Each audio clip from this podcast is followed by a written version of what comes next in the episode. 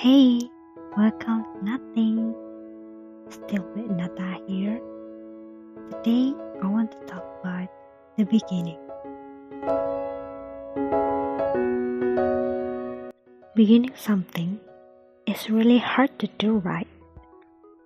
There are so many things that maybe prevent us from doing it.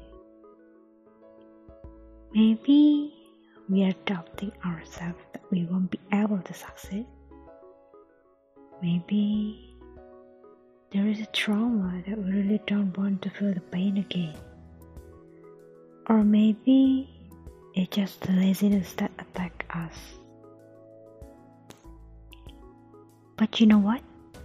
If you weren't trying, you never know what the result is you won't make any progress, you are stuck in your place.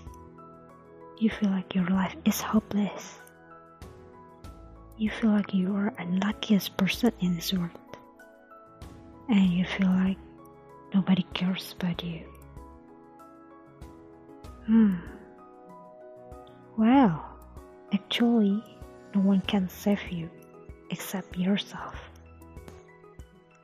So, just take a step forward. Brace yourself. Encourage yourself to make things around you more meaningful.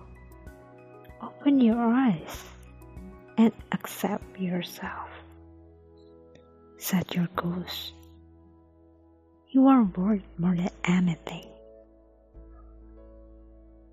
Please be brave to begin something you really want to do.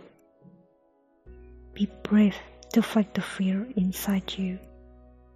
And that's the way the happiness will come to us.